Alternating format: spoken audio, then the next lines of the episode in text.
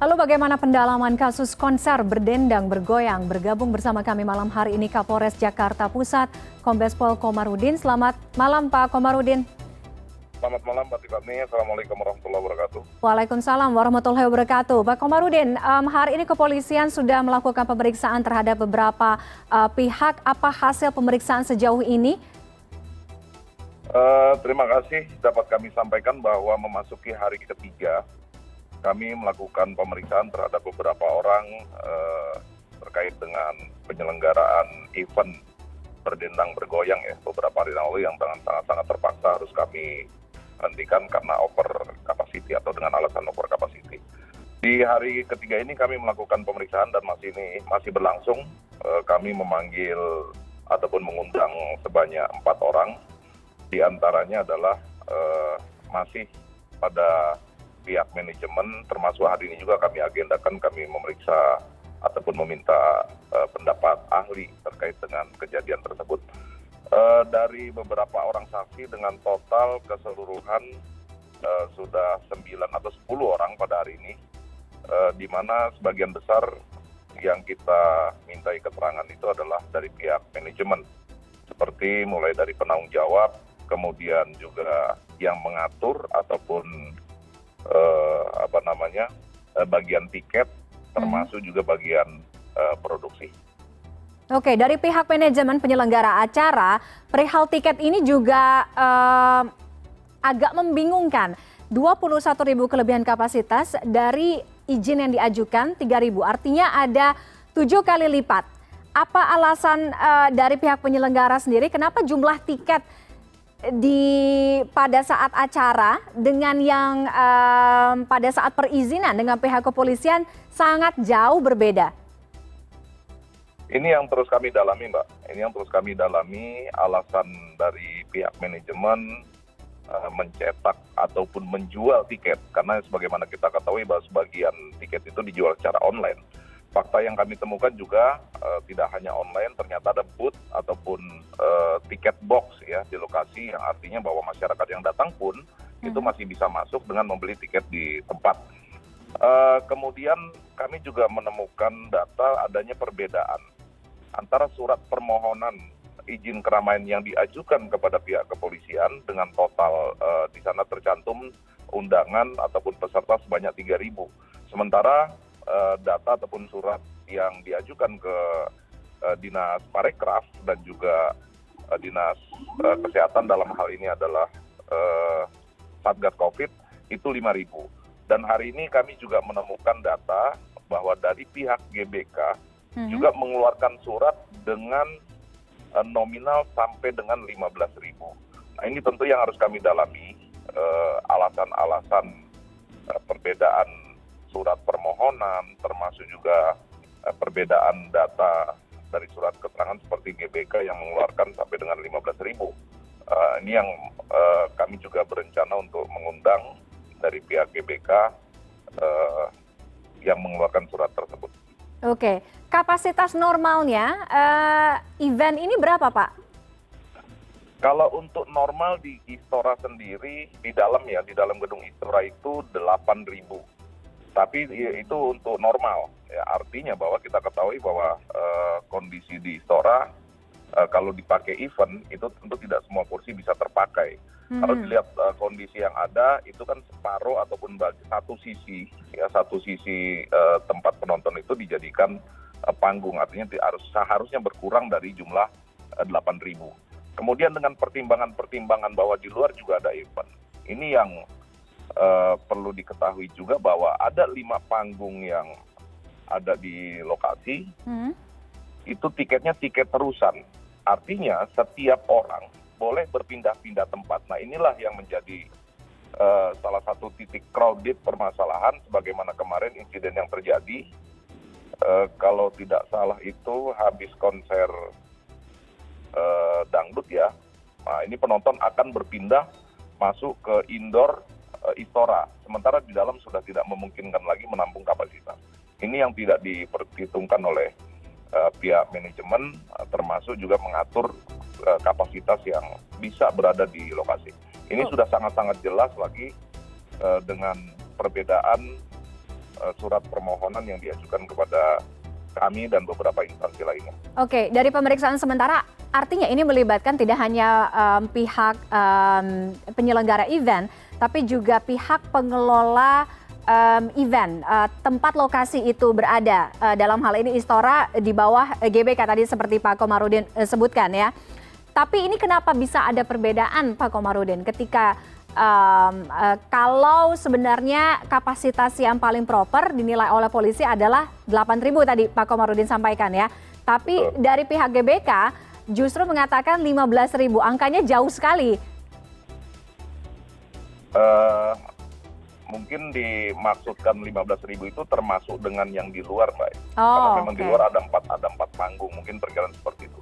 Namun tidak diperhitungkan uh, karena tiket ini tiket terusan yang artinya bahwa masyarakat bisa penonton bisa berpindah ke mana saja ini yang uh, potensi rawan yang uh, tidak di apa namanya tidak didalami atau diperhitungkan oleh uh, hmm. panitia termasuk juga alasan perbedaan jumlah uh, permohonan atau jumlah pengunjung yang dalam surat permohonan itu perbedaan antara ke kepolisian terus juga ke uh, dinas parekraf beda-beda ya? COVID dan juga beda. Ini yang uh, masih kami dalami.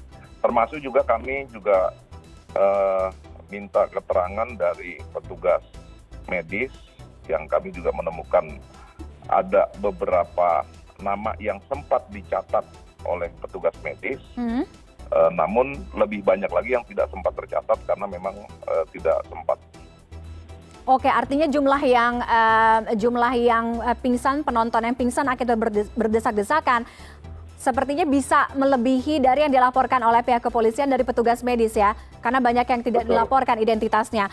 Uh, terkait dengan uh, penanganan medis di lokasi, apakah um, pihak uh, penyelenggara acara juga tidak memperhitungkan pengadaan fasilitas dan juga petugas medis? Karena kan seharusnya dalam satu event acara, apalagi mungkin acara hiburan dalam hal ini, harusnya memang sudah sesuai dengan ada ada ada prosedurnya, ada SOP-nya, berapa banyak petugas medis yang harus ditempatkan, ambulans, tenda dan lain sebagainya. Apakah itu ada atau tidak di lokasi acara ini?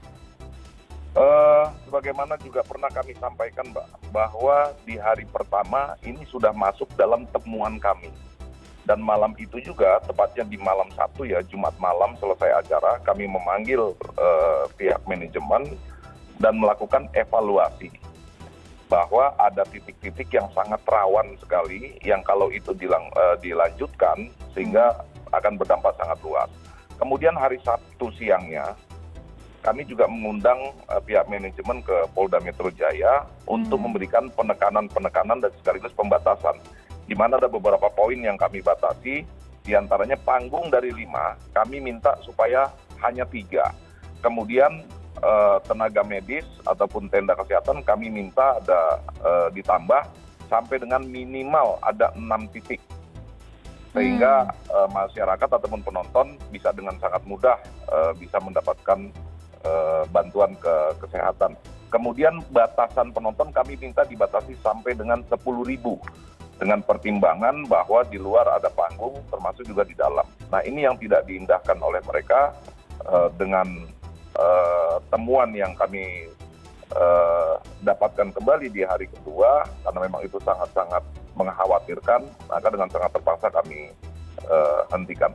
Dan di, di malam pertama terkait dengan masalah uh, apa namanya pelayanan kesehatan hmm. di malam pertama itu tepatnya di hari Jumat kami hanya menemukan hanya ada satu uh, tenda kesehatan hmm. dengan tiga orang petugas kesehatan tiga orang itu di antaranya satu supir ambulan dan dua uh, tenaga medis ataupun perawat untuk mengcover ataupun melayani ataupun mengantisipasi di hari pertama itu yang hitungan kami itu mencapai 20 ribu di hari pertama. Nah, ini tentu eh, sangat-sangat uh, tidak masuk akal dan juga yang kami temukan juga uh, langsung uh, di sana banyak masyarakat ataupun penonton yang memang sedang mengantri untuk mendapatkan hmm. layanan kesehatan. Oke, tiga petugas uh, termasuk dua perawat uh, dan juga satu sopir ambulans untuk menghandle puluhan ribu masa, lebih dari sepuluh ribu orang yang ada di sana. Oke, uh, artinya banyak sekali dugaan pelanggaran di sini, Pak Komarudin, uh, berpotensi untuk um, apa? Tidak pidana, memenuhi unsur pidana di sini terhadap pihak panitia. Uh, hari ini agenda kami termasuk minta pendapat ahli, mas pendapat hmm. ahli terkait dengan unsur-unsur kelalaian ataupun pelanggaran, sementara memang eh, mengarah kepada unsur pasal 360 ayat 2 akibat lalainya menyebabkan orang lain eh, luka-luka. Hmm. Nah, oleh karena itu eh, terus masih kami dalami, kami masih mengagendakan eh, melakukan pemeriksaan ke beberapa saksi lagi sekiranya ada unsur pasal lain yang bisa diterapkan kepada pihak manajemen. Oke, Pak Komarudin, ini dari video yang kami putarkan di sini juga sangat-sangat jelas terlihat betapa membludaknya jumlah penonton di festival berdendang bergoyang ini. Ketika kita membayangkan puluhan ribu orang kemudian berdesakan sehingga mengakibatkan pingsan, bagaimana dengan upaya dari pihak panitia sendiri kalau tadi mungkin untuk medisnya dengan jalur evakuasi apakah itu juga um, tidak diindahkan uh, saran dari pihak kepolisian uh, di hari pertama termasuk salah satu temuan kami adalah ada beberapa jalur evakuasi yang akhirnya tertutup oleh uh, penonton mm-hmm. karena penempatan panggung dan booth-booth yang ada di lokasi. Itu yang termasuk salah satu alasan kenapa kami minta dari lima panggung dikurangi menjadi tiga karena dua panggung ini uh, yang berada di luar itu menutup uh, jalur evakuasi. Hmm. Oke, dari layout yang diterima oleh kepolisian ketika pihak penyelenggara pertama kali uh, mengajukan perizinan dengan um, pada saat hari H, apakah sama atau jauh berbeda? Dan sebenarnya layout yang diajukan atau yang dilihat oleh kepolisian ini proper atau tidak? Uh, dengan layout yang ada, kami menganggap bahwa itu masih memungkinkan sekiranya kapasitas pengunjung itu sesuai dengan surat permohonan uh, yang diajukan ke kepada kami dengan 3.000 uh, eh, pengunjung. Penonton. Namun karena faktanya melebihi dari uh, jumlah berkali-kali lipat, tentu ini akan berdampak terhadap makin luasnya areal yang tadinya seharusnya bisa menjadi areal uh, aman hmm. sehingga menjadi tidak aman ataupun tertutup. Oke, okay, oke. Okay um, kita belajar dari festival uh, yang terjadi pada uh, akhir pekan kemarin, Pak Komarudin. Ke depannya akan banyak sekali event yang juga mengambil lokasi mungkin salah satunya di tempat uh, berdendang bergoyang kemarin. Apa evaluasinya? Artinya pengawasan yang ekstra ketat harus dilakukan uh, dari pihak kepolisian terhadap panitia penyelenggara atau pihak IO promotor yang menyelenggarakan semua event dari apa yang kami lakukan, ya ini adalah sebuah upaya preventif pencegahan uh, terhadap terjadinya musibah uh, keselamatan masyarakat ya. Artinya bahwa apa yang kita lakukan bukan tentu serta-merta mematikan kreativitas anak-anak bangsa, termasuk juga beberapa usaha uh, apa namanya uh, perekonomian kreatif ya. Nah, tentunya ini bisa menjadikan evaluasi kita. Silakan eh, masyarakat yang akan melaksanakan kegiatan ataupun event organisasi yang akan uh, mengajukan uh, sebuah kegiatan bisa melakukan tentunya dengan berbagai pertimbangan.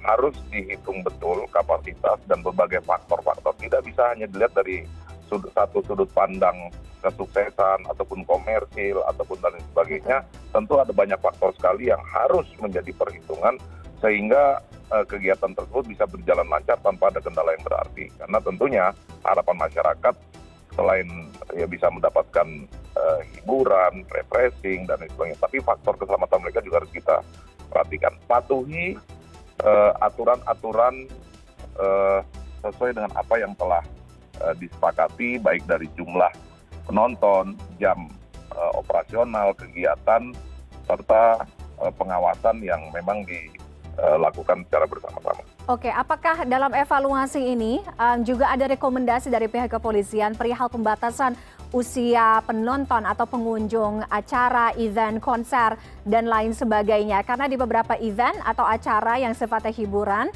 uh, bahkan anak-anak pun juga bisa ikut serta masuk dalam bagian pengunjung. Dan kita membayangkan kalau kalau um, dengan apa yang terjadi di festival kemarin, ada anak-anak di sana tidak ada pembatasan usia uh, seperti ini, ini juga menjadi salah satu hal yang uh, buruk, Pak Komarudin. Betul, itu termasuk salah satu uh, persyaratan ataupun ketentuan-ketentuan yang biasanya dicantumkan dalam uh, surat permohonan karena menyangkut kegiatan seperti kita ketahui bahwa di beberapa event kegiatan hmm. yang ada di Jakarta Pusat ada juga kegiatan-kegiatan yang di dalamnya ada permainan anak-anak dan lain sebagainya.